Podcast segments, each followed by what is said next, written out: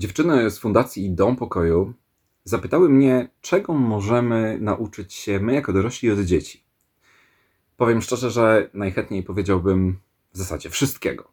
No ale zakładam, że jednak e, przynajmniej część osób chciałaby usłyszeć bardzo konkretne odpowiedzi. Ja na szczęście do tej części osób należę, więc bardzo chętnie powiem, e, bo dokładnie sam kiedyś na tym zastanawiałem. Nawet napisałem artykuł na ten temat, który nazwałem Eksperci od współczesności. Wiecie, powiem szczerze, że kiedy słyszę pytanie, czego możemy się nauczyć, mam świadomość, że zawsze trzeba przypomnieć, że nauczyć się to nie oznacza tylko zdobyć wiedzę, ale także umiejętności. E, w końcu nauczyć się może oznaczać zainspirować. I to jest pierwsza rzecz. Dziecko może dorosłego zainspirować, może przypomnieć dorosłemu, jak to jest żyć w świecie, w którym wcale nie musimy się przejmować różnymi schematami. Ktoś kiedyś powiedział, dziecko rodzi się mądre, a potem idzie do szkoły. Prawda jest taka, że sama socjalizacja wymusza na nas respektowanie różnych norm, co samo w sobie jest ok, ale my czasami stajemy się po prostu niewolnikami tych norm, tych schematów i nieraz słyszałem moje przekochane seniorki, przekochanych seniorów, którzy mówili, że jak przeszli na emeryturę, to dopiero wtedy uświadomili sobie, że mogą różne rzeczy mieć gdzieś. I zawsze powtarzają, dlaczego dopiero teraz? Dlatego powiem tak, bądźmy jak dzieci w tej materii.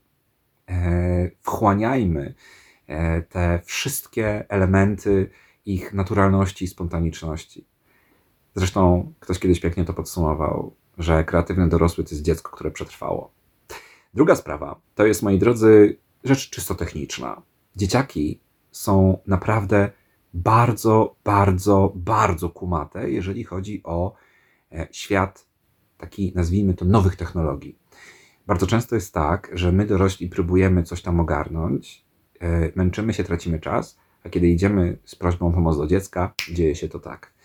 E, często mamy taką blokadę, bo mamy wrażenie, no jak to, no przecież nie możemy prosić dziecka o pomoc, bo to wyjdzie, że nie umiemy.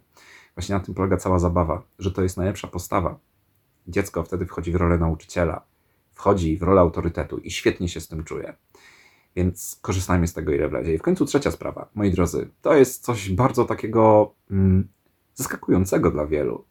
Dzieci przez to, że wchodzą w nowy świat i tworzą ten nowy świat, one tworzą też nowy język. No i siłą rzeczy prawda jest taka, że rzeczywiście możemy się nauczyć zupełnie nowych słów, które gdzieś tam zrodziły się w tym kolejnym pokoleniu, ale ja szczególnie lubię te momenty, kiedy odkrywam, że dzieciaki znajdują, e, tutaj szczególnie myślę już o takich starszych, o młodzieży, określenia na coś, co my znaliśmy z przeszłości. Znaczy, znaliśmy w przeszłości w zasadzie, a teraz na to krótkie określenie.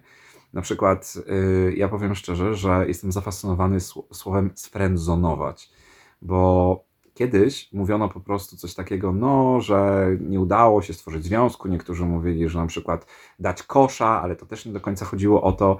E, natomiast teraz, jeżeli jest taka sytuacja, że ktoś po prostu kogoś, e, wiecie, no, tak potraktował, powiedział, słuchaj, no, no, nie będziemy tworzyć związku, ale możemy się przyjaźnić, jest na to krótkie określenie, sfrędzunować. E, I podsumowując to wszystko, chcę powiedzieć, że zarówno inspiracja, jak i umiejętności technologiczne i w końcu świat nowy językowy. To jest tylko początek drogi, e, drogi, podczas której można odkrywać, co dzieciaki, co tak naprawdę dzieciaki mogą nam dać i czego my, jako dorośli, możemy się od nich nauczyć. Życzę zatem fantastycznej podróży z odkrywaniem tego wszystkiego. Serdecznie pozdrawiam. Przemek Staroń.